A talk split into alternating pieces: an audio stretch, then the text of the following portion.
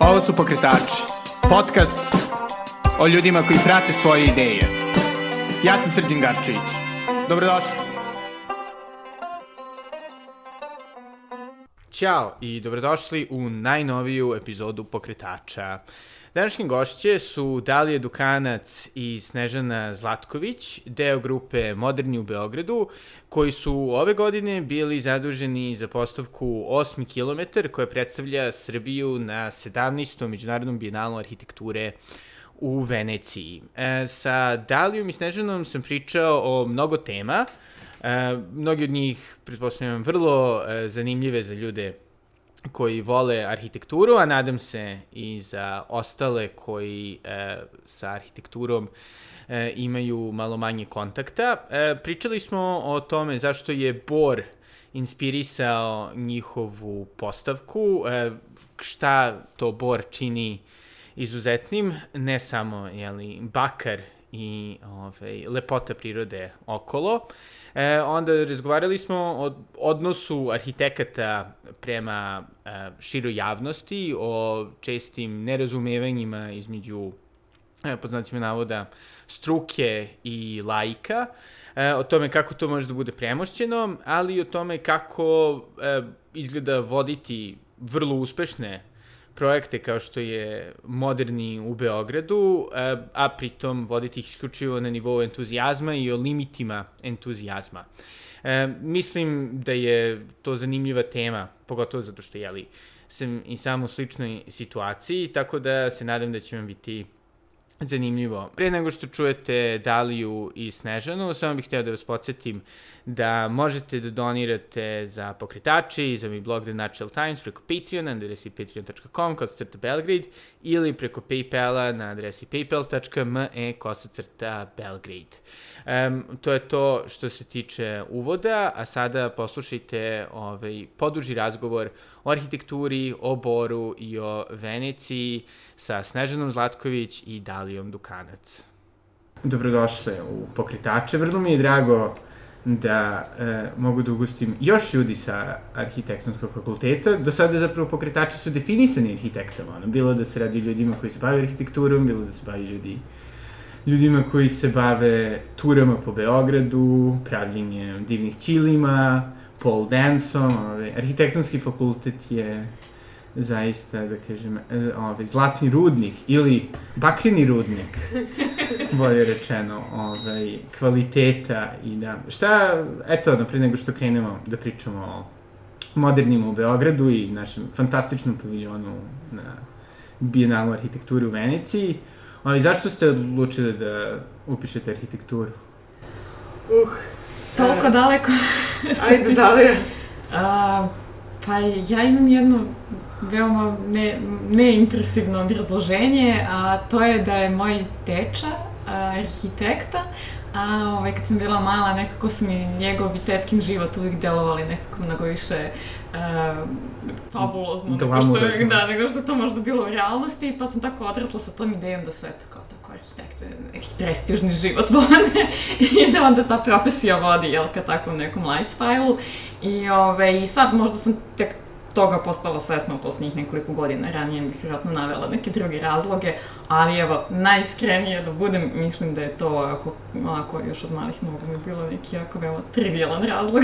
da. Pa ja mogu da kažem da, da je to kad, kad se, da kažem, vraćamo unazad, razmišljam ko je pravi razlog, Uh, I baš to iz, iz ove perspektive, iz ove godine, može negde se podudare sa dalinim razlogom, jer u stvari roditelji moji su imali prijatelje, zapravo, da kažem, njihova prijateljica arhitekta koji imali su tako nekako specifičan i stil života i oblačenja i sve to meni bilo izuzetno privlačno i zajedno sa nekim pregledavanjem časopisa koje je baka kupovala, meni je kao delovalo prelepo uh, uređivati interijere, krajnje onako naivni uh, dečiji razlozi i ovaj, išla sam u likovnu školu i nekako je to bilo uvek uh, tangentno, ne znam, sa da. arhitekturom, da. a mislila sam da je primenjena umetnost teško upisati, a u stvari istovremeno mi se više sviđalo kad ljudi kao nešto prave, tako da razlozi su ne znam, odavno, odavno, odavno, da kažem, od nekog, neke osnovne mm. škole sam kao upisat ću arhitekturu i to je tako kao ostalo. Strava. I, ove, i, i zle jezike koji kažu da život arhitekte nije toliko glamurozan. Haha. Kaj se bili ste u krivu, jer neki od vas su završili na vernisažu Bienala. Kako je to izgledalo u, u ovoj pandemiji? Pošto kad sam bio na vernisažu umetničkog Bienala 2019. Hvala puno Borisu Radojkoviću na toj divnoj prilici, je nekako ono, celi Đardini, sve bilo puno, mm -hmm. ono, ono, besplatnog fancy pića, besplatne fancy hrane, vrlo onako zanimljivih ljudi, bilo je sve kao ono, u Grande Beleci, kako je izgledalo sada, jel? Pa nije bilo La Grande Belece, mi smo se tome nadali, ali ovaj, možda bude u avgustu, pošto je zapravo taj vernisaž odložen za 28. avgust, odnosno za midisaž, kako su oni uh, nazvali uh, drugo otvaranje, ali je svakako za nas bilo izuzetno uh, značajno i lepo i uh, da kažem, na neki način i taj dan dosta emotivan, zato što uh, se sublimira sve što ste do tada radili i tu su bili neki najbliži ljudi koji su mogli da dođu u, u kontekstu datih okolnosti i m, imalo je neku dozu svečanosti i cirkulacije određenog broja ljudi koji su uh, iz našeg sveta ili da kažem, umetnika generalno, koji su jako dobro odreagovali na naš paviljon i to je nekako bio lepo osjećaj tog dana. Pa jeste, sad nemamo mi sa čime drugim da uporedimo da. iz ove perspektive autora koji to sad postavljaju izložbu, otvaraju paviljon i tako dalje. Ovo je, posle te strane, nama je prelepo bilo. Da. Eto, to je, možda ćemo u budućnosti imati sa čime da, da, ovaj, da poredimo kad odemo od 2046. ponovo da izlažemo, ali ovaj, jeste stvarno bilo u daleko manjim ovaj, razmerama i kapacitetima od onoga što uh, smo nekako očekivali u odnosu na neka prethodne da. te događaje, nažalost, ali dobro, možda i ovo ima neke svoje benefite, imamo dva otvaranja umesto jednog, pa da. pa možda kad se saberu.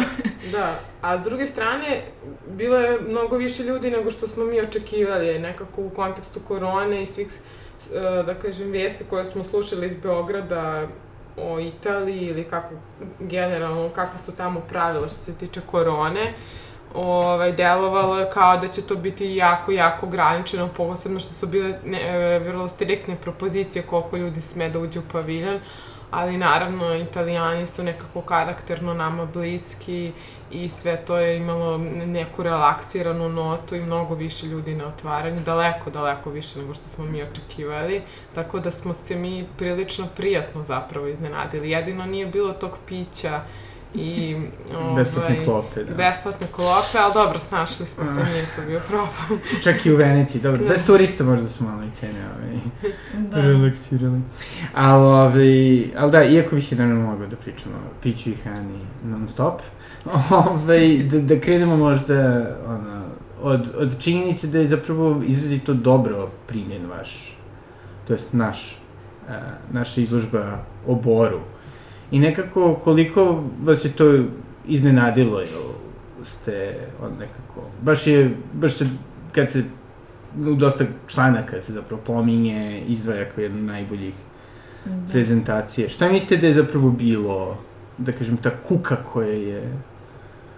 Pa, e, poučeni nekim prethodnim iskustvima ovaj, što na, našeg paviljona, kako su ranije ovaj, postavljene izložbe, a i mislim, kroz posete Bijenalu iz prethodnih ovaj, godina, e, smo naučili da je jednako bitan, ili smo procenili da je jednako bitan taj prvi wow efekat u paviljonu, a, ali i zapravo m, ta neka podloga sama i tematska podloga zapravo i neko malo dublje istraživanje koje onda stoji iza tog wow efekta, kako bi se jednako privukle i jedna i druga publika koja su prisutne na Bijenalu. Dakle, i oni koji tu dolaze da bi se prešetali i eto, ovaj... Uh, Instagram. Pa da, pa jeste, stvarno pa da, jeste, ne, gde je sad ovo stvarno, jako je na kraju u ovim kontekstu pandemije ta Instagram moment e, izložbe na kraju ispao jako bitan.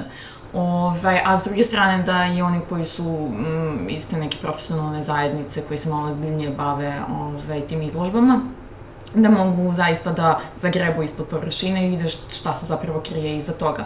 Pa smo pokušali jedno i drugo da uključimo našu izložbu i mislimo da je to bilo uspešno i da zaista i na prvi pogled ima taj wow efekt zbog uh, razmera i e, same postavke zbog materijala koji su uključeni zbog njihovog odnosa u prostoru i da ne dvosmisleno zapravo prikazuje o čemu se tu dalje radi. E pa sad, ko je dalje zainteresovan može da ovaj, pročita neki tekst, da pogleda tamo neki video, fotomaterijal i tako dalje, da, da više o tome nauči. Pa mislim da je to, eto, bio jedan možda faktora koji je uticao na, na e, pozitivnu prihvaćenost, što nam se čini i od šire publike, a i od ovih koji su, koji profesionalno pišu e, o tome ili se na kritički način bave time.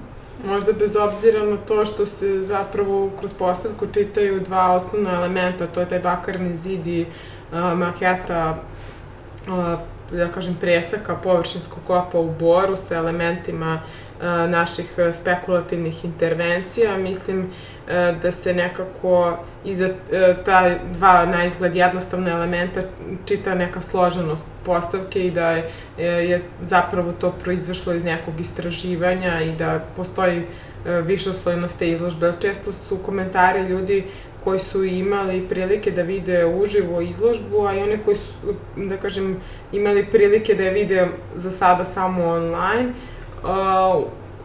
pozitivni u tom kontekstu da je izložba istraživačka. Sad, to je zanimljivo, da kažem, kao komentar, s obzirom da možda nekome na prvi pogled ne mora to tako da se učini, jer ona, ona je dosta ekspresivna i možda bi neko mogao da kaže da je estetizovana, a zapravo postoji dosta rada na njoj, a, na njoj ali nekako komentari ovaj, za sada potvrđuju to da, da, da se čita da stoji jedno istraživanje ozbiljnije iza toga i zbog toga nam je veoma drago. Da, pošto za ljude koji nisu imali prilike da se informišu, jeli, radi se zapravo o istraživanju bora, koji, jeli, s jedne strane je najvećih rudnika u ovom delu Evrope, ovaj, jeli, vrlo zanimljivo razvijena urbana celina, koja je tako suštinski linearno razvijena, ali ne samo o tome kao nekoj vrsti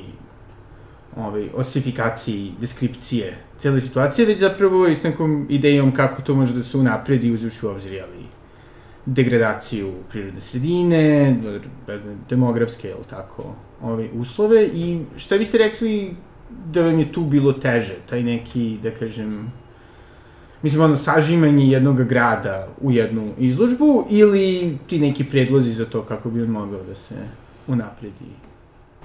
Pa ja mogu ajde, mogu da probam da odgovorim, sad ne znam. Ovaj, e, što se tiče interpretacije postojeće e, gradske sredine, kako se ona razvijala e, kroz 20. vek, pre svega posle drugog svetskog rata, zbog industrializacije urbanizacije i ovaj, nacionalizacije, naravno, rudarsko-topioničarskog basena koji je uopšte dozvolio takav način razvoja grada. Mm, dosta nam je dobro išlo to istraživanje, ako mogu da nas ovaj, pohvalim. E, I uspeli smo da kroz razgovor sa ovaj, našim saradnicima koji su baš iz Bora, e, da uočimo jednu tu karakteristiku tog linearnog razvoja kroz tih 7 km i to nam je zapravo postao jedan motiv e, koji je urbanistički, arhitektonski, prostorni, koji onda možemo vrlo lako jednoznačno da prikažemo kroz izložbu, dakle, kroz prostornu postavku. To je sedam nekih linearnih delova. Mi imamo paviljon koji je veoma linearan, e, odmah se nekako to nametnulo kao dobar način interpretacije toga što postoji. I recimo nam se to vrlo brzo nametnulo kao nekakvo rešenje, kako im to prikazati zapravo i da svima bude jasno. A druga strana ovaj projekta, zapravo taj osmi kilometar koji predstavlja budućnost grada, je sve zapravo ispostavilo kao nešto što je bilo daleko ovaj, e, izazovnije uh, i, i teže rastumačiti, razumeti, naći pravi način, pravu meru kako to prikazati i mislim da smo imali još tri godine da radimo na tome, ovaj, bili bismo ono, u istom ovaj, problemu koje, koja je to mera i na koji način uopšte možemo da prikažemo to u okviru jedne izložbe. Tako da smo mi u jednom trenutku imali neki predlog da se raspiše konkurs za 8 km bora. To je negde bilo još za vreme ovaj, samog konkursa, no, tih prvog i drugog kruga konkursa za predstavljanje uopšte bijenala, pa smo na kraju među vremenu zbog raznih raznih okolnosti ovaj, i sugestija se pomerili od, od te namere ka tome da ipak mi pokušamo da interpretiramo taj 8 km, ali kažem, eto, to je na kraju ostalo dosta ovaj, spekulativno. I ostalo je nekako na nivou uh, upravo tih 7 km na, na koje smo se, da kažem, na, na, nadovezali kako je uh, strukturiran sam grad. Mi smo taj 8 km predložili ne bukvalno kao ek, ek, fizičku ekstenziju grada, već kao, uh, ne kažem, neku metaforičku ekstenziju svakog od tih kilometara, jer smo zapravo za svaki od kilometara pokušavali da nađemo određene bolne tačke, posebno u kontekstu ekoloških pitanja koje su sada neodvojive od Bora, ali nekako smo uh, se trudili da kao arhitekti uh, ne, možemo da rešimo prosto sva ta pitanja, možemo da ih otvorimo, možemo da kroz uh, grafičke priloge, kroz naše istraživanje, analize, kroz te predloške projekata ukažemo na neka moguća rešenja, na neku novu, moguću, bolju budućnost i da tako otvorimo tu budućnost grada kroz tu temu 8 kilometra, ali nam je nekako se to često dešava u radu, da se prosto, što se kaže, kockice poklope, pa je onda i, i sa, sama ta struktura Bora kroz 7 km možda nam otvorila jednu finu temu koja je zapravo bunar čitav i ne, neiscrpna je uh, i mm, mislim da smo mi samo zagrbali neka, neka ta moguća rešenja, a, ali o tome bi naravno moglo još da se diskutuje, ali nekako i ta, ta mera nedovršenosti čini mi se u tom projektu je dosta dobra zato što a, sa neke strane ovaj, više m, bukvalno poziva na nešto i otvara nekako um, misa o tome nego što ovaj, daje goto, ne, nekako nešto gotovo nakon stolu. Da. Ja mislim da, da, da, je, da smo išli ka nekoj većoj, ovaj, većem nivou konkretizacije tih nazovi rešenja za, za ove te prepoznate probleme prema kilometrima, da bismo možda čak išli ka banalizaciji tih istih problema. Dakle, za potrebe jedne izložbe u okviru bijenala, to je potpuno jedan drugi registar u odnosu na ono čime se arhitekti i urbanisti inače bave. Ovaj, mislim da je sasvim na kraju ova mera za, za ovaj, tu projekciju budućnosti grada bila na mestu. Da. Da, pošto ovaj, u jednom od tekstova u kome se i vaš paviljon ovaj, pominje dosta pohvalno, i mislim da se radi o tekstu u um, Art forumu, ovaj, Ian Volner nekako zapravo ono, primećuje kako je u dosta uh, paviljona, ono, nacionalnih, jeli, izložbi, pa dobro, čak i ovoj jeli, nenacionalnoj sa, ovaj, sa Kanom Radović, mm, Radović. Crnogorski, jeste. Da, a to je njihovo isto. To je, ne, ne, ne, nije, nije bilo da. nacionalno predstavljanje, da. bilo je u okviru internacionalne izložbe, a Kana Radović je, da. Da, da, mislim, one... je tema, njen, da, svakako. Rad. Ali, ovaj, i da je nekako bio baš fokus na tom, da kažem, poratnom periodu i tim da kažem, izazovima koji je taj vrlo optimistični, racionalni, moderni odnos prema ulozi arhitekti, arhitekture, nekako prispitivan u smislu tome koliko je to bilo uspešno ili nije bilo uspešno, pa on, ne znam, on pominje mađarski paviljon, gde oni predlažu kako da se ne poruše neki stambeni blokovi, gde se ne ono kao retrofituju, već da se od njih učini nešto. Mislim, da se samo nadograde. I čini mi se da, da nekako ono, to je dosta zanimljivo pitanje sada u arhitekturi, makar ono, u mom, da kažem, popularnom delu, kao ne arhitekti, deluje da postoji kao ta neka dva velika kampa, jedan je na foru, a, savremena, mislim savremena, u smislu, pa savremena, ali suštinski moderna arhitektura. Do sada je bila previše i rodiva, misli su ljudi da sve mogu da projektuju, napravili su dosta ogromnih grešaka, ono, brutalizam je odvratan, na, na, na, da, da se vratimo ono, srednjevekovne gradiće, gde sve organski i kao gde će malo da se nekako to planira, a opet sa druge strane postoji ta želja ljudi da kažu ne, ne, kao mi samo treba ponovo da pravimo planove na velikom nivou, ali bolje, ne znam, zelenije, ovo ono, nekako gde, gde vi stojite na tom, na ta dva ekstrema, banalna možda. Kao arhitekt... Teško pitanje. Teško pitanje. Um, Ajde, ajde, ne znam. Ne znam, te, teško je to. Da, da razmišljam. Ovaj, uvek je prosto kad, ono, kad čovjek završi arhitekturu ili još dok studira arhitekturu, vaša percepcija se jednostavno potpuno promeni i sve to što je, e, da, da kažem, nekoj široj publici ili javnosti e, manje lepo ili možda i nefunkcionalno, obično ovaj, arhitekti znaju mnogo više istorije arhitekture o svemu tome i nekih um, dosetki prostornih za koje se oni vezuju i koje opažaju u svom gradu i onda nekako se potpuno um, ovaj, čak nekad i fanatično dive nekim detaljima i prostornim rešenjima i to jednostavno arhitekte prati, to je neodvojivo od nas i našeg načina života i nekako smo u tome postali malo kao jedno zatvoreno društvo koje teže komunicira sa širom publikom, tako da um,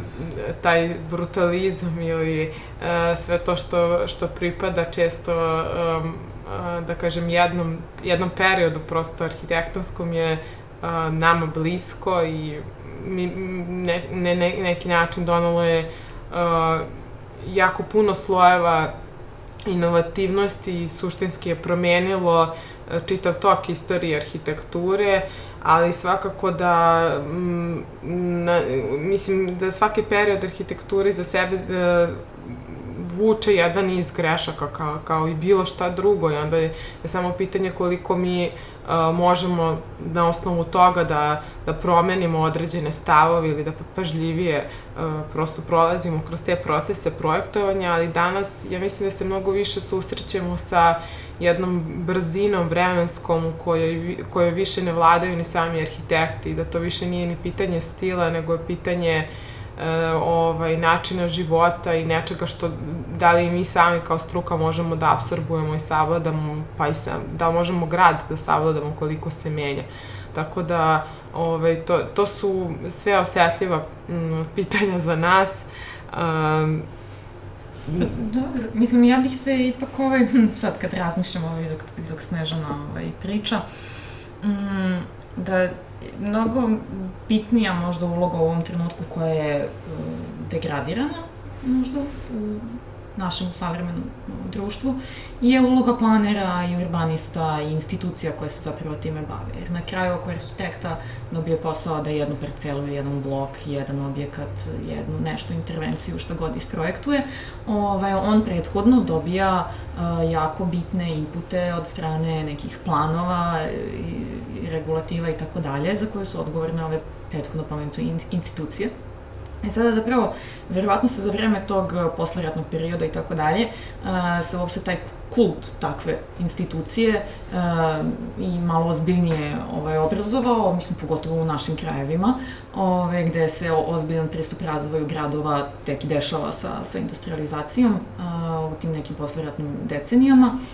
Mm, tako da i mislim da to i jeste donelo jedan veliki prosperitet uh, urbanom društvu. Sad, jeste da je tu sad konkretno pričamo o našoj sredini. Mislim da ipak to dosta ovaj, zavisi od, od različitih da, uh, sredina. Zemanje, da. Jeste da smo se takođe susreli i sa velikim tim prilivom uh, ruralnog stanovništva i nemogućnošću dr, uopšte e, države da isprati uh, migracije uh, i, i te promene sa uh, planovima, izgradnjom i tako dalje. I da se onda to, naravno, ovaj, nekako uvek jurilo jedno drugo.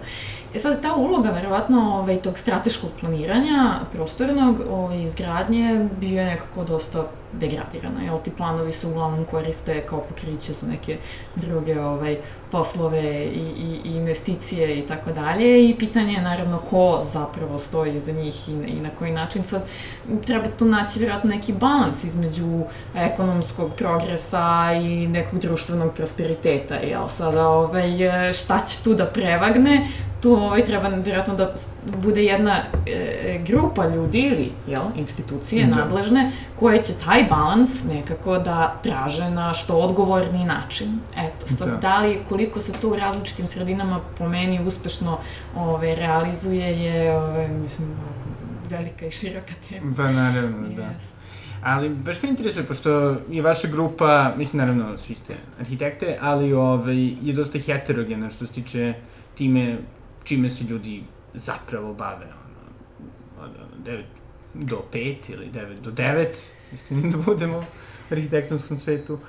Ove, jeli da ste pri fakultetu, e, jedna od naših koleginice, naša vrlo poznata i popularna ilustratorka, Ove, pa me čisto interesuje koliko je ta heterogenost grupe doprinela nekim boljim rešenjima. Mislim, niste svi čisto akademski, da kažem. Profesiji niti ste svi čisto projektno.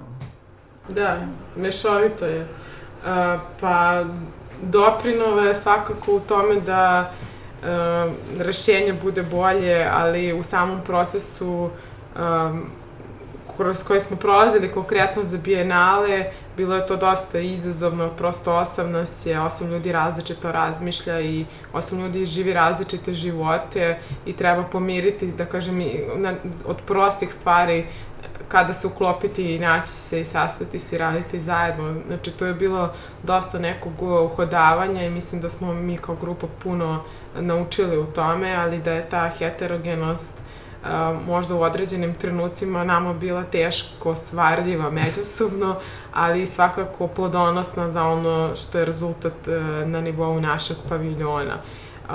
Zato što načini na koje opažamo određene detalje ili zapravo odluke koje smo donosili na nivou izložbene postavke uh, su takođe isto različite i uvek jedan član primeti jedno, dok drugi član primeti nešto drugo e, nekada se nema vremena da se prosto sve to pomiri i da se, to, da se sve to objedini i stavi u jedno rešenje, ali onoliko koliko smo mi mogli, e, mislim da smo uspeli i mislim da smo nekako to puno zadovoljstvo osetili baš bili, dok smo bili u Veneciji, da toga nismo ni na neki način bili svesni a, do tog trenutka, jer sve što smo mi radili pre toga i sve izložbe sa kojima smo, da kažem, delovali kroz izlagačke postavke u Beogradu su bile koncipirane na taj način da smo se mi nekako delili po jednom crtežu ilustracije koje, ko, koje je svako od autora radio. A ovo je nekako bilo potpuno jedno i bilo je izazovno, mislim, pre svega trajalo godinu dana duže nego što ljudi inače rade bijenale i samim tim je uzao da jedan dobar deo naših života i našeg i slobodnog vremena, jer krajnje volonterski sve, sve ovo radimo i kao, da kažem, entuzijasti.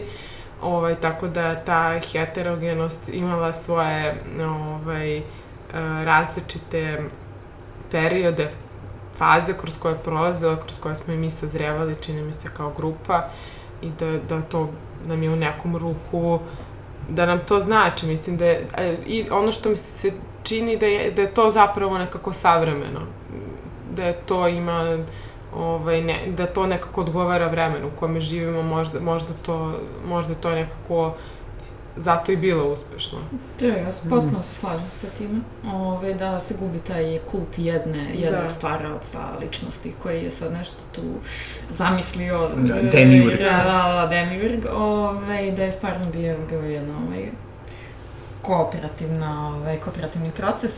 I mislim, ja, i sve ovo što Snežana kaže jeste, bilo je, da su različite faze i tako dalje, ali mislim da u ključnim trenucima smo uvek nastupali kao jedinstvena grupa sa jedinstvenim stavom i na kraju, ovaj, što se tiče, mislim, celokupnog nastupa i tako dalje. I s te strane mislim da smo jako, ovaj, e, dobar način našli da, da komuniciramo ovaj, i kroz ovaj, naše radove sa, sa širom i užom publikom. Tako da, mislim, nekako vidjet će se i dalje kroz, kroz vreme, da. sad je nekako više pretpostavka nego što je da. konstatacija. Da.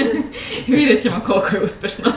Nadamo se da, da. jeste. I baš ovaj, u, u pripremi za, za intervju, jeli, malo sam ono, googlao i došao sam do nekog priloga zapravo sa Kanom Radović, o, ja mislim da to možda snimljeno 80-ih ili 70-ih, onako vrlo tripi emisije, da li bile na tadašnjem RTCG ili nečemu, koja onako ima vrlo onako čudnu muziku, ona vrlo čudno onako priča, pošto je očigledno bila, bila vrlo specifična osoba, ali ono o nekoj kao teoriji arhitekture i svemu tome i sada opet možete, mislim ono, takva emisija sada jednostavno nezamisliva. Čak kao podcast, Da. bilo kakvom ono mini formatu, prvo zato što mi naravno koštalo dosta puno da se tako nešto producira, da se ide da se snimaju, jeli, na po tri sekunde, ono, stvari po cele Crne Gori ili ono, Jugoslaviji. Ove, kako mislite, i pomenuli ste sami da, da zapravo nema te neke jasne komunikacije između ono, profesionalnih arhitekata i kao šireg društva. Kako mislite da može da se uspostavi? Mislim, Biennale, jeli, služi za to.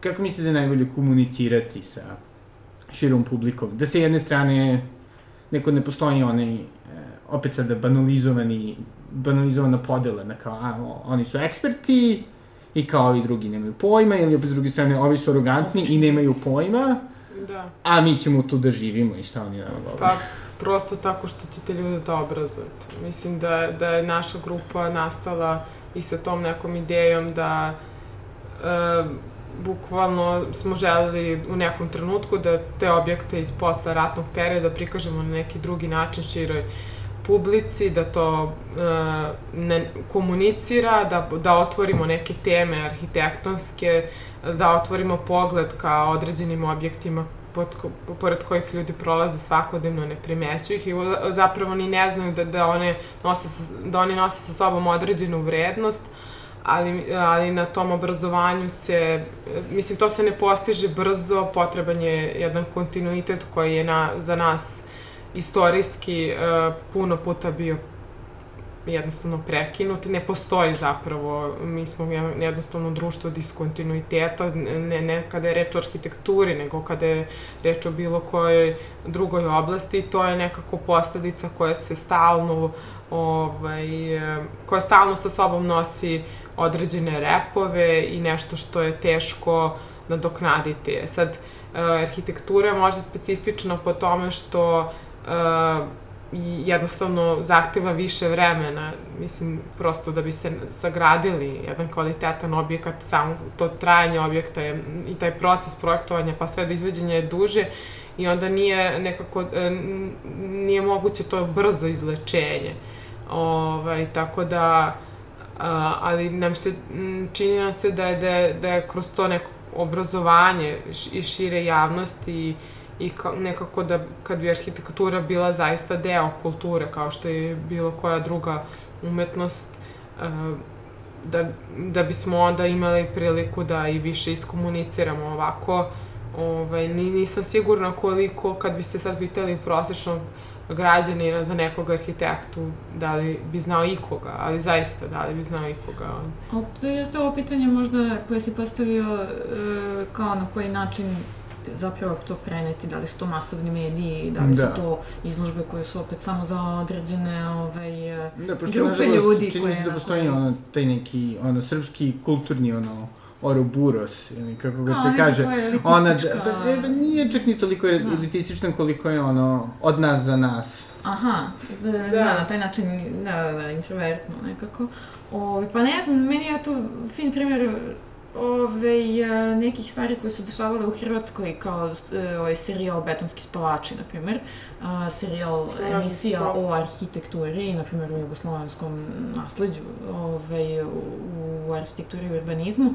I to je jednostavno opet grupa entuzijasta jel, koja je pokrenula uopšte taj projekat, koja je želela da to eksponira, naišla na dobru volju, to je mislim Hrt je to Da. produkovao, je to išlo preko nacionalne televizije, dva serijala, jako ozbiljno produkcija i tako dalje, ok- okupili neki arhitekte jel, ovaj, u okviru toga radili intervjua, ali i građane koji, na primjer, danas koriste te prostore, stanuju, na primjer, u njima i tako dalje. Tako da ovo je jedan sveobuhvatan projekat koji je ove putem masovnih medija, dakle televizije, to ove približio uh, širim narodnim masama, što bi da, se da. reklo. E sada, ovaj, opet kažem, nekako mi smo i sa tim našim izložbima pokušali da izađemo iz tog formata od nas za nas, jel? Ovaj, da nekako to bude zanimljivije ovaj, širim, široj nekoj grupi ljudi. Sad, opet, nadamo se da je to bilo uspešno, sa nekim interesovanjem koje je to ispratilo, valjda jeste, do neke mere, ipak i to ima svoj neki domet. Ali, s druge strane, isto slažem se potpuno sa Snežom što je, što je ona rekla da na kraju krajeva se to postiže i kroz samu praksu arhitekture i urbanizma. Dakle, da. mi i samim tim jel, su, suštinom na naše, naše profesije i krajnjim rezultatom isto treba da na neki način ovaj, i edukujemo, što kaže Sneža, i steknemo to poverenje ovaj, šire neke zajednice da mi znamo šta radimo. da.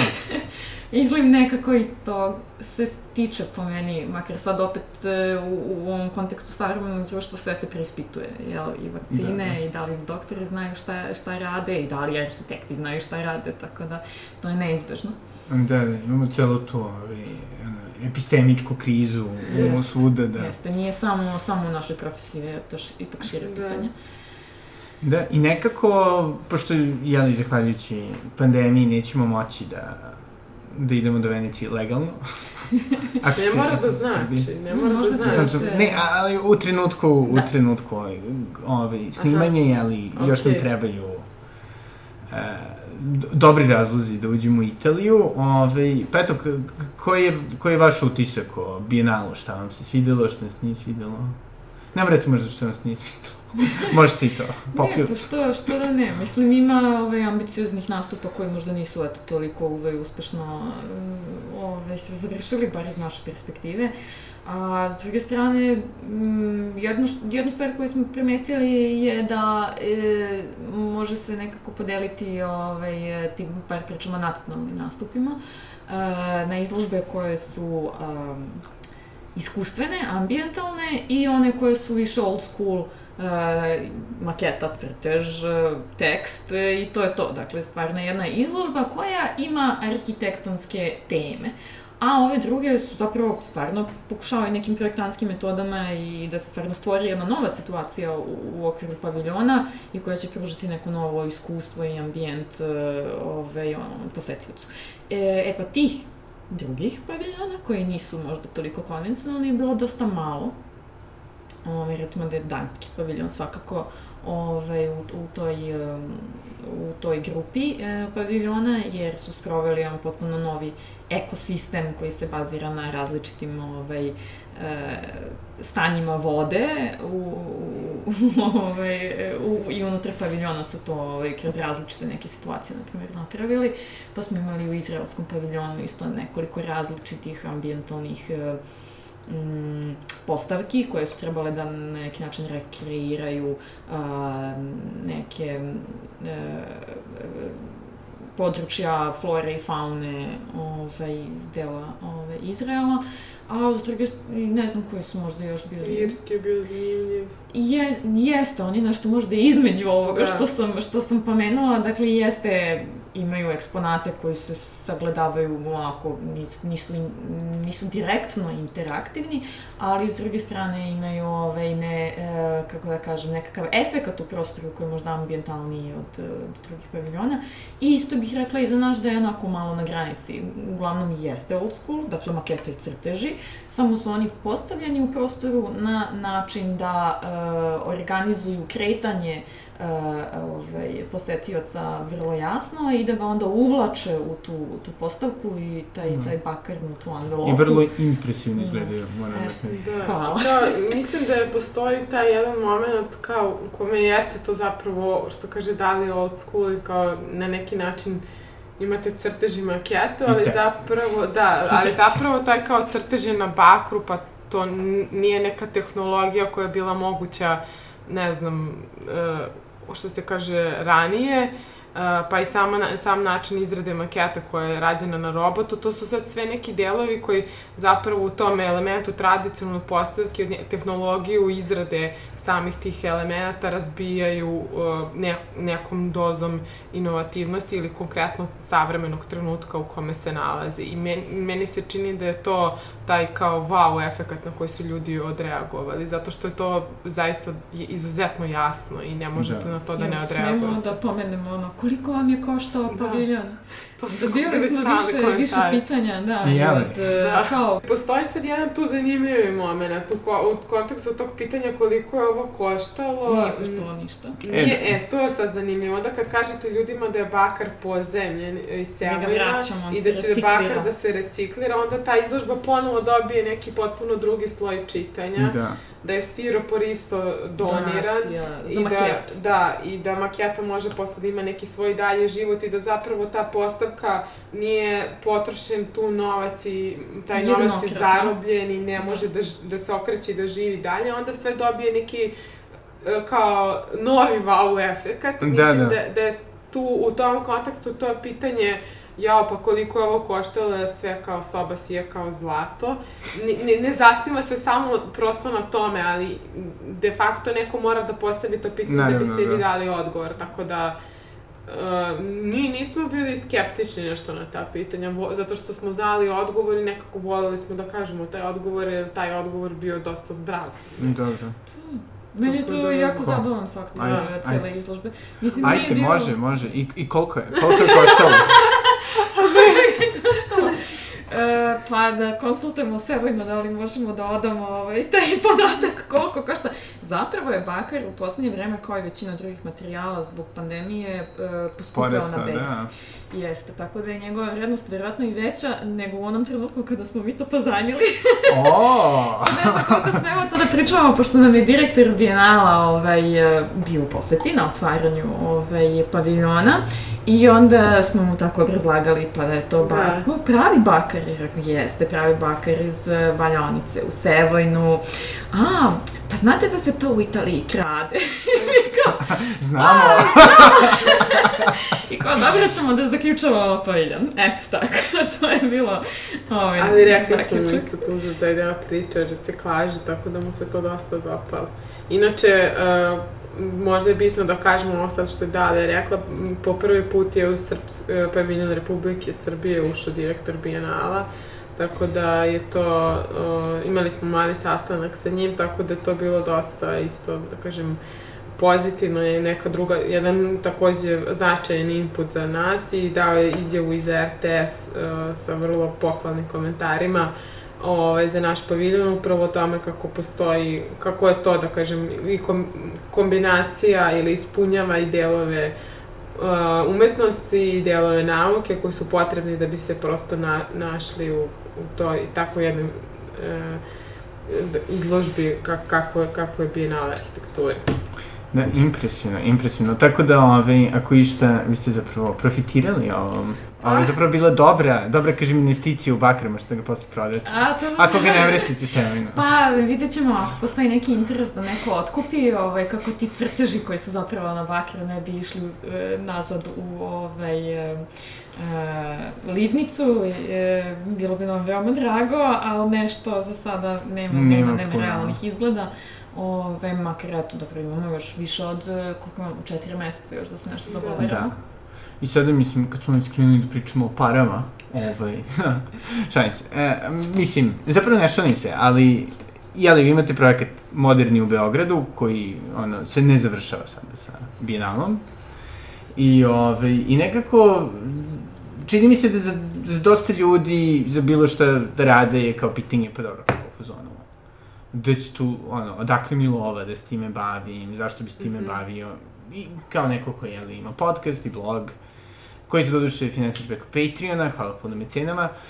Ove, isto ponekad se čovjek zaista pita kao u fazonu, koji su mi resursi potrebni, da li uopšte ima smisla ulaganje ovoga vremena i to.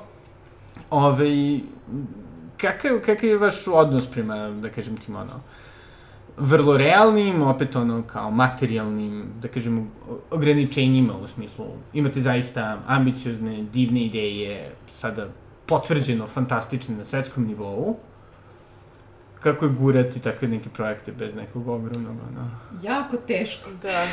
Ja mislim da smo se tu takođe promenili kao grupa u tom kontekstu da taj prosto mi smo nastali pre tri i po godine i kada smo nastali to je bilo krajnje entuzijastično i krajnje iz te jedne uh, iskrene namere da, kao što sam rekla, otvorimo neka pitanja arhitektonska i da jednostavno da, da, da nešto učinimo prosto za, za, za arhitekturu. Ali e, i mi smo kao grupa dobili prostore e, izlagačke u gradu, pa smo izlagali, pa smo dobili ne, i neke nagrade i neka priznanja i prosto otišli kao grupa na Bienale arhitekture i samim tim su se i naši, kako da kažem, i naši apetiti, apetiti se prosto menjaju. Mislim da je to krajnje zdravo i da to je jedini način da, da mi napredujemo i da mi opstanemo, ali da u nekoj budućnosti mislim da ta vrsta entuzijazma sama po sebi bez neke podrške nije moguća i da jednostavno jedino koliko se grupa transformiše u nešto više, uh, odnosno naše udruženje moderni u Beogradu, koliko mi dobijemo neku vrstu podrške posle bijenala za možda neke dalje projekte koji su uh, ozbiljniji, koji imaju neku finansijsku potporu, mi možemo da, da, da, da jednostavno iz sebe iscrpimo uh, nešto drugo i nešto što do sada nismo ni izložili, ni pokazali kao grupa. Ne verujem da možemo da jedno te isto proizvodimo i da recikliramo od, od starih ovaj, iz svojih veština, pa i svoje energije, nego jednostavno ta energija mora da cirkuliše i da se menja i da bude sveža konstantno. Pa da, mislim ono što Snežana hoće da kaže da mi zapravo svi imamo, kao što smo i rekli na početku, svoje od 9 do devet poslove, Ove, i da se onda bavimo ovime po, posle devet. Ove, tako da je sve to jako naporno, ali fiz, mislim i fizički, evo, sa, sa bijenalom nakon godinu i po dana ove, i psihička tortura. ali nekako, opet ti rezultati su za sada uvek opravdavali uloženi trud. E sada, a, ukoliko se bavimo nekim većim projektima, to znači da e, ovo oduzima mnogo više našeg vremena i truda, što onda relativizuje ove druge poslove kojima se bavimo. Da bismo mogli time da se bavimo, moramo onda da postanemo profitabilni. Eto, sad smo u nekom vjerojatno rascepu između jednog i drugog i šta, šta, da. nas, šta nas čeka. Pošto, mislim, ono, čini mi se da ljudi to dosta banalizuju kao u fazonu, a, kao u fazonu kada bi svako bio stavljen na budžet i dobio neku stabilnu platu, to je bilo lako, a zapravo nije. Mislim, više je u tome da, ono, tri puta napravite sličnu izložbu samo sa tekstom i slikama, to je okej okay, zanimljivo. Četvrti put, ne toliko zanimljivo. Da. Može da bude. U smislu, a za bilo kakve ambicioznije projekte, je neophodno, mislim, čak i bez plaćanja, mislim, neka vrsta podrške institucionalne da. bilo šta, mislim, ono, da yes. može nešto da se veće napravi. nemoguće, jednostavno nemoguće bez toga, mislim, prosto i mi smo stari, mislim, to su da. same neke, neke ono kao osnovne životne karakteristike gde vi ovaj, konstantno radite nešto da biste radili nešto drugo. Sad to u jednom trenutku ne može više tako, kao mora da postoji, ne kažem da mora, mora da postoji jedna, ljudi danas men, mislim, rade različite stvari i obično su na, na više poslova, ali nemoguće je da, jedno, da, da, da, da, da taj izvor stalno pruža nešto. Mislim da u tom kontekstu uh, nama je podrška dobrodošla, tako da smo mi ovaj, uh, moramo da razmišljamo stvarno za našu budućnost da se nešto u tom kontekstu promeni. Mislim da na taj način uh, ne možemo da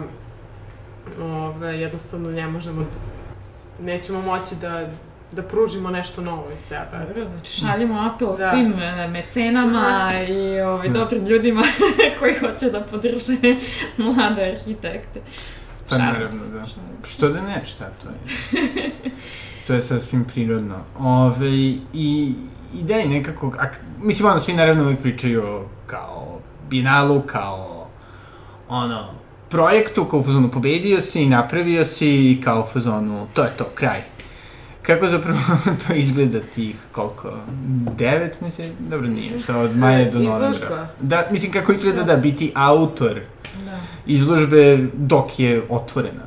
A dok je otvorena, Aha, aha, dok je šest meseci. Šest šest meseci je otvoreno, jeste, od maja do novembra.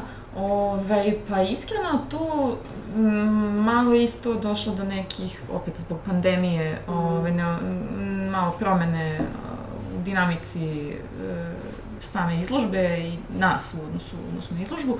E, jedna od ideja je bila da mi zapravo budemo sve vreme tamo, tih šest meseci, da se smenjujemo na nekih mesec dana, da uvek neko bude prisutan, e, to, opet kažem, zbog pandemije i nekog obaveznog karantina i tako dalje nije bilo moguće. E, sad, mi ja to trudimo se da, da se bavimo na neki način i promocijom i, i, i ove eksponiranjem svega toga i koliko ovim nastupom, naravno, Da. Srbije, toliko ovaj, e, generalno i bijenalom arhitekture, koja je ipak bijenalne umetnosti daleko popularnije i više se zna za, za njega nego i posjećenost je uvek mnogo veća nego na bijenalu arhitekture, tako da je to zanimljivo. A na kraju krajeva, naravno, i kao autori, kao eto grupa koja stoji iza toga, ovaj, em, vidimo kao priliku, jel da, ovaj, stanemo nekako iza tog rada. E, pa sad, koliko će to, opet kažem, imati nekog odjeka, Bilo je mnogo lepo u Veneciji, to, na primjer, mislim da je to jedna stvar koja nam je definitivno nedostajala i bilo bi super da smo mogli da ostanemo duže. Ostali smo do 23. maja, otvaranje našeg paviljona je bilo 21. maja, ali prosto zbog ovih uslova korone, Italija je dozvoljavala da je to datum do kog mi možemo da ostanemo. Sve preko toga smo morali da idemo u, kara, ono, u samoizolaciju, A, ali konkretno tih dana, tri dana otvaranja, koje su bile od 19. do 21. kada je bila velika cir, cirkulacija ljudi, kada su jednostavno ljudi ulazili u paviljon i postavljali pitanja a, u konkretno o paviljonu, o tome kako je, kako, kako, kako je bilo istraživanje, šta smo sve radili. Kada vi tu možete da im odgovorite kao autor, to ima jednu, jednu vrednost. Kada niste tu, bez obzira što mi zaista tamo imamo koleginicu Mašu da je pozdravimo, koju smo dosta dobro uputili, koja je stvarno izašla nama u susret kak, u kontekstu naše postavke, ali prosto to nije isto, jer vi uvek nosite sa sobom nek, gomilu nekih finesa koje mogu da vam kao iskra ono, u trenutku se pojave i da prepričate nešto nekome ili da mu odgovorite na pitanje kao autor. E sad mislim da, da nam taj deo definitivno e, nedostaje i to je ono čemu se negde nadamo na ovom drugom otvaranju koje smo najavili. Nadamo se da, da ovaj, o, kako se zove, ovaj delta soje neće povileneti. Ili lambda. ili kao omega, ne znam. Tako da kao da ćemo moći da tada nekako iskomuniciramo više, jer mislim da je, čim, čim i oni to prave kao događaj, njima je cilj da, da to zaista dobije ovaj, neku novu, da zaista bude to drugo otvaranje i da kao dođu ljudi da, da ne, bude svečano. Tako da se mi nadamo da će od tada da, da, da opet možda dođu neki važni ljudi iz struke ili sa kojima ćemo moći da, da tamo iskomuniciramo, da objasnimo naš paviljon i mislim da je, da je to nešto što nam je, uh, što smo tamo osetile kao neku, uh, da kažem, vrednost, a nismo imali prilike da ona traje. Da. Da, isto što bih možda samo dodala, m, sad, sam, s- m, sad razmišljam o ovaj, kontekstu toga, e, napravljen je projekat, mi smo se vratili u Beograd i to, je- to je to.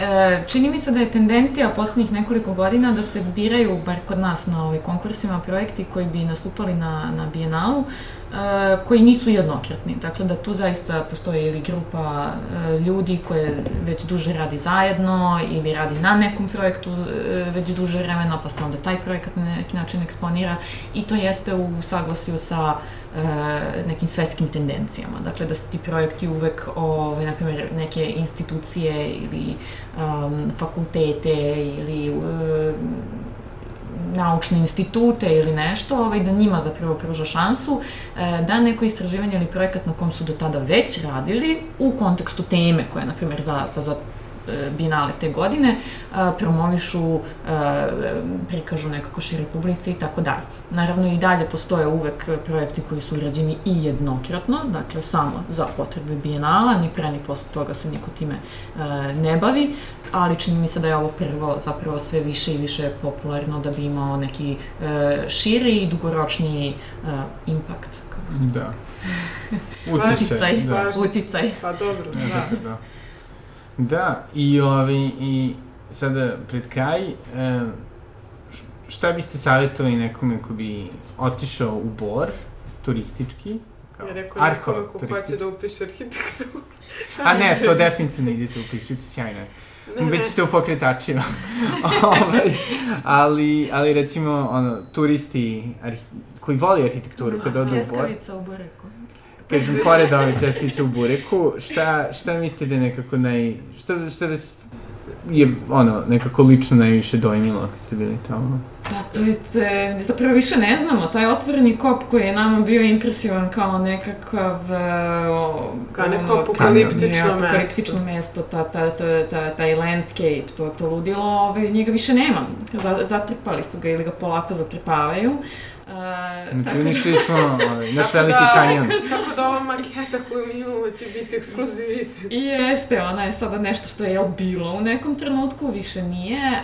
Um, Ali, ovaj, pored toga, svakako taj centar um, posleratni koji je izgrađen, gde se nalaze te institucije kulture, biblioteka, muzej, um, spomen park i tako dalje, ovaj, oni se nalaze na drugom kilometru grada i, ovaj, i to je, na primjer, sigurno mesto gde treba otići. Tamo je, dakle, mm -hmm. posvećeno i rudarstvu i, i generalno i gradu Boru i jako zanimljive ovaj, institucije i treba ih posetiti. Čini mi se da uh, je neodvojivo od grada kao što je Bor, ali tako je verovatno za svaki industrijski grad, ovaj, uh, ta, to nekako granično mesto i ta granična pozicija, ovaj, kako se čovek između tog uh, kopa i te, te, te zone jake industrializacije, ono gde, gde, gde ljudi žive, osjećaj, kao kako su tu neka ambivalentna,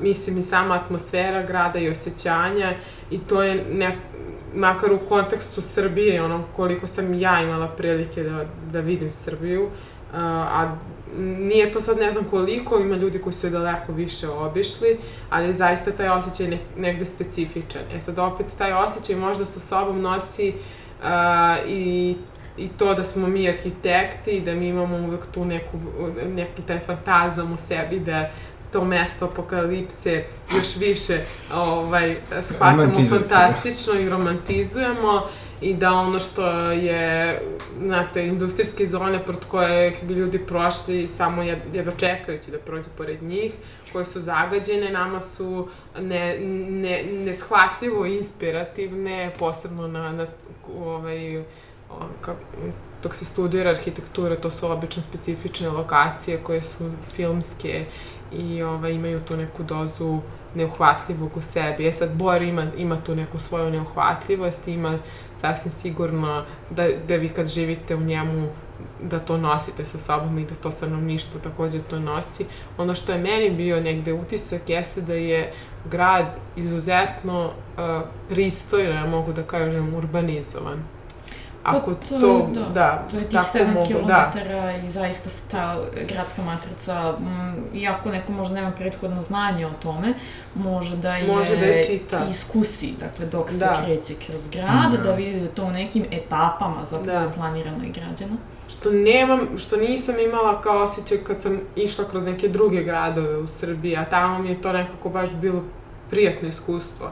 Čak mi je to bilo podjednako posle tog prvog obilaska podjednako je to na mene ovaj, ostavilo utisak kao uh, i, ovaj, i sam kop, ali to je opet možda iz, u kontekstu toga što sam arhitekta.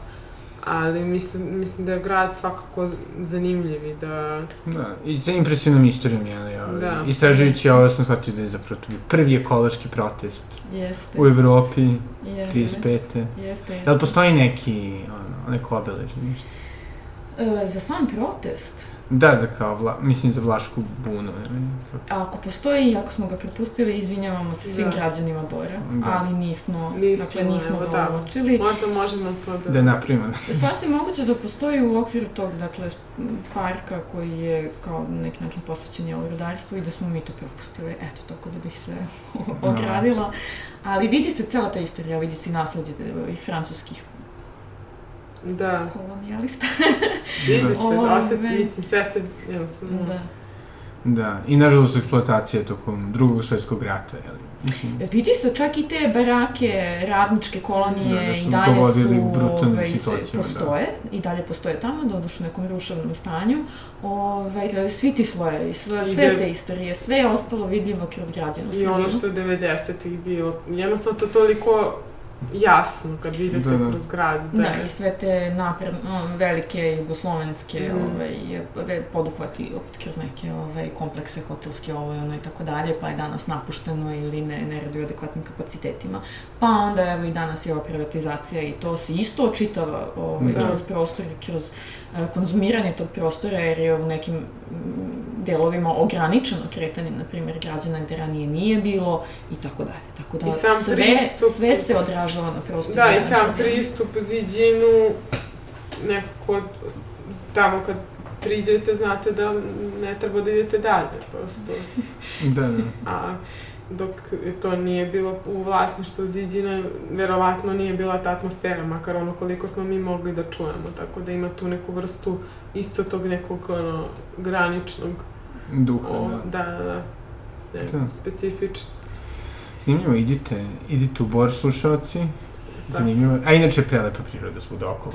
Da. e, da, Da, to nismo da, ni to stigli da pomenemo, eto jedna ono ekološka crna tačka, ali u sred tih šuma, planina, jeze, jezera Da. Borskog, da, stvarno fantastično. Mm, Da.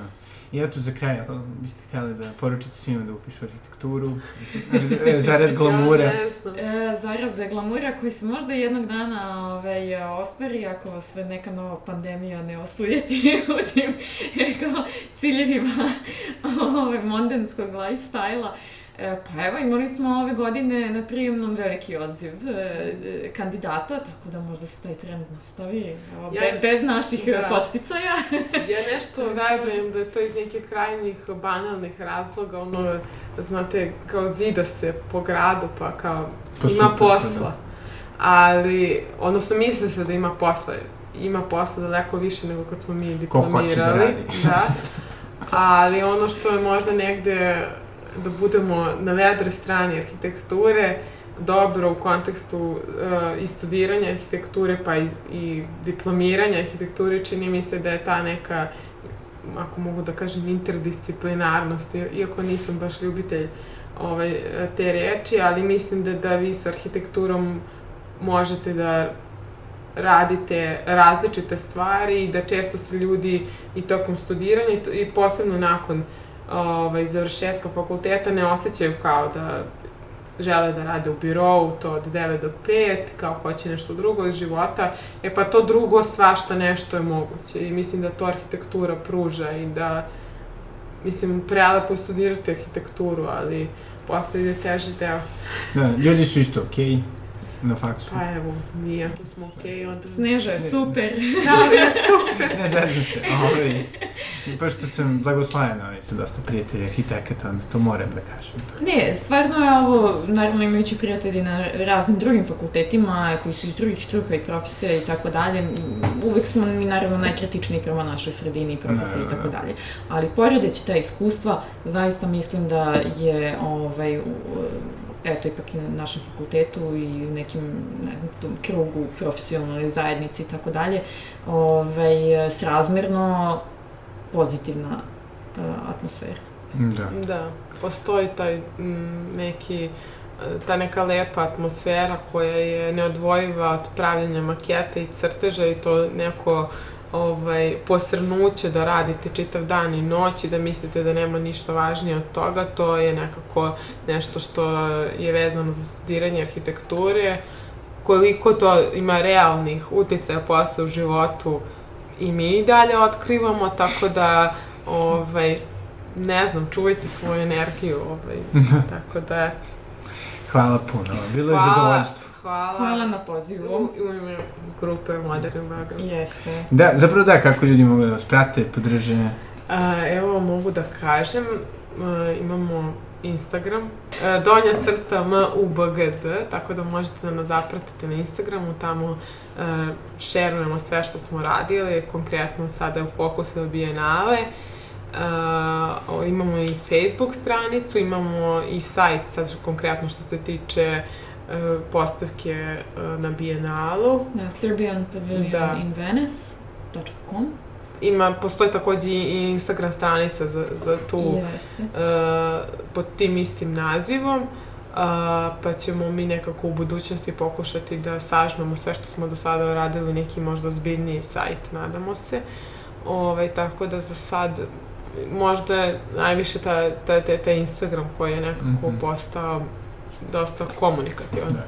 Nadam se uskoro i Patreonu ili nekom drugom e, načinu. može, da može, što da ne. Da se i mi malo da. osavremenimo. Pa da, modernizujete. Da, da. Moder, modernizacija modernih. Da, da, postmodernizacija. Post, post, postmodernizacija. Ima je, da, da, ima i ta isto ideja, sledi e, da. postmoderna faza. To je, to je, to, tu nas je zaustavilo Bienale, tako da, da e, očekujte da, da ćemo da, odnosno nadamo se da ćemo uspeti da prikažemo svu e, tu kataklizmu grada našeg na jedan duhoviti način, eto. A dobro, da. Zato on svakako, ovi, svi, svi ljubitelji, pretpostavljam, bi te, da kažem, estetike bi trebalo da ode, da posete na Donjim Dorćelu, pored Novog Dorćela, na dva divna čardaka. E, da, između ostalog, da, gledat ćemo ovaj, da možda, m, to su kao čak i neki ono ekscesi koji su e, manje profesionalnog karaktera, ali ima i ovih koji su ovaj... E, ima, da. Zločini ima... protiv struke. Pa, ne, ima tih lucidnih bizarnosti. Da, da, bilo je to da. Pl plodonosno dobro. Dobro, tako da. da mi ćemo da to mimujemo. radujem se, radujem se to. Hvala još jednom. Hvala, hvala. I to su bile Dalije Dukanac i Snežana Zlatković. E, ostatak ekipe koji čini moderni u Beogradu su Iva Bekić, Irena Gajić, e, Stefan Đorđević, Mirjana Ješić, Hristina Stojanović i Petar Cigić. E, hvala i njima na uh, svom fantastičnom radu na uh, osmom kilometru. Nadam se da će biti prilike da i sam posetim našu postavku, da posetim bijenale. E, svakako, ukoliko vas arhitektura interesuje, ukoliko volite Veneciju, obavezno se potrudite da posetite bijenale ili sledeće godine umetničko bijenale, stvarno je zanimljivo videti e, na kom je nivou trenutno umetnost ili arhitektura u svetu. E, tako da, eto, to je to od mene za danas i do sledećeg slušanja. Doviđenja.